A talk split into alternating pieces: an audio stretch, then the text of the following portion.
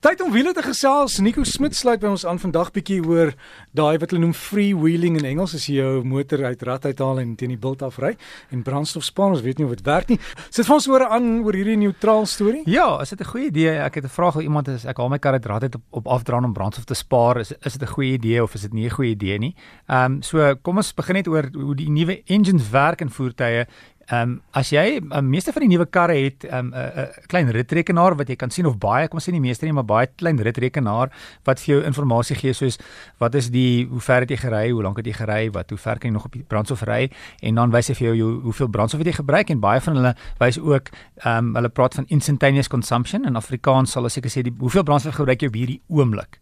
So jy sal sien partymal gaan die metertjie na 0 toe en as jy as jy begin versnel dan gaan die gaan die klimmetertjie baie hoog en op afdraandetjies uh, meter gaan gaan baie laag of hy gaan na 0 toe. So eintlik wat die hoe die vervaardigers die nuwe engines gebou hoe hulle werk is sodra jy jou voet van die versneller of van die petrol afhaal as jy hom los, dan gaan die rekenaartjie na 0 toe. So die kar gebruik actually uh, nie hy gebruik nie brandstof nie want die wiele is nog tans besig om die engine te draai.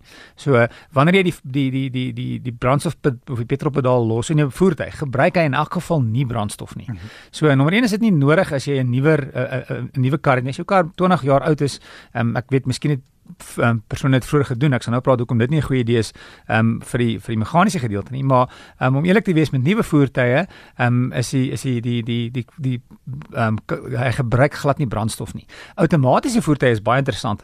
Um, baie van hulle um, gaan ook na nul toe, gebruik nie brandstof nie en baie vervaardigers se voertuie gaan um, wat hulle noem 'n freewheel mode. Veral as jy 'n 'n 'n dubbelkoppelaar um, of hulle praat ja, so iets soos 'n semi DSG uh, tipe radkas het.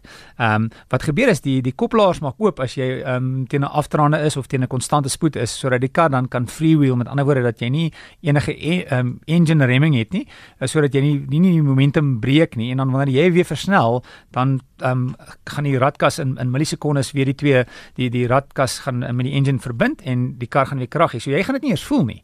Maar wat wat die nuwe karre doen is om om brandstof te spaar.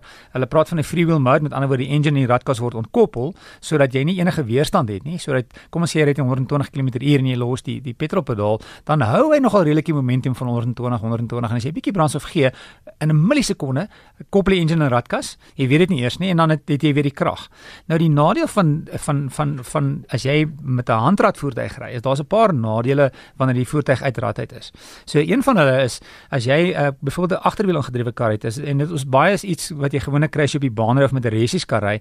Wat gebeur is as jy in verkeerde rad is. So kom ons sê jy ehm um, jy wil nou vinnig die voertuig in 'n rad sit en die rad moet eintlik derde rad wees en jy, en jy gaan na tweede rad toe is die die die die voertuig se spoed en die engine spoed is anders. Met ander woorde, as jy dan ewe skielik die koppelaar los, gaan jy 'n rem effek op die agterwiele kry omdat die die die die die engine beweeg teen baie laer toere en die radverhoudings is laer. Met ander woorde, dit gaan 'n effek hê om amper soos om die agterwiele te sluit. Met ander woorde, dit kan die voertuig onstabiel maak um, in daai oomblik. Dis en dit gebeur baie met agterwiel aangedrewe voertuie. Veral as die kar 'n bietjie gelaai is, met ander woorde, bietjie links gedraai of bietjie regs gedraai, kan dit die voertuig in daai oomblik onstabiel maak.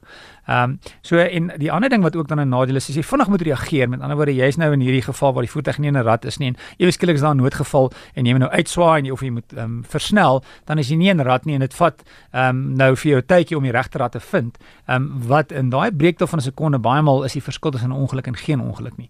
So in in my opinie is dit nie 'n goeie idee om die voertuig uit rad uit te haal nie. Ehm um, dis beter om altyd in beheer te wees van die voertuig en altyd die voertuig in 'n rad te hê. Ehm um, daar's ander maniere om brandstof te spaar wat ek dink sou beter wees is altyd in 'n hoër rad, 'n hoër rad so gou as moontlik.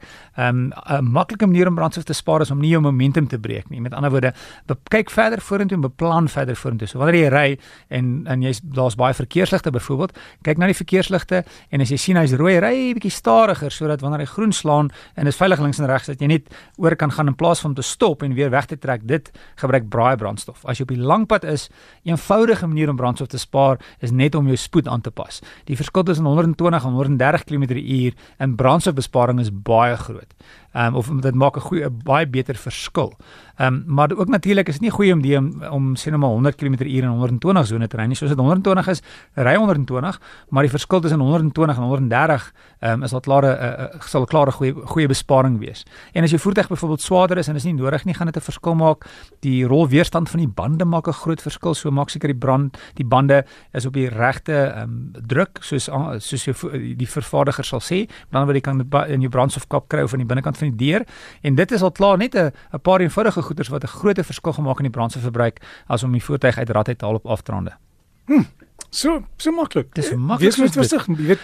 Jy, jy weet ja. net altyd die ding is jy's jy's beter in beheer as jy as die voertuig in rad is is wat die voertuig nie in rad is en jy moet vinnig ehm um, ehm um, reageer. Ehm um, dis partymal as jou reaksie nie vinnig genoeg nie, kan jy in 'n in 'n in 'n goeie situasie sit nie. Ja, jy wil ook nie hê dat jou radkas moet hier deur die sitplek ja uitspring nie.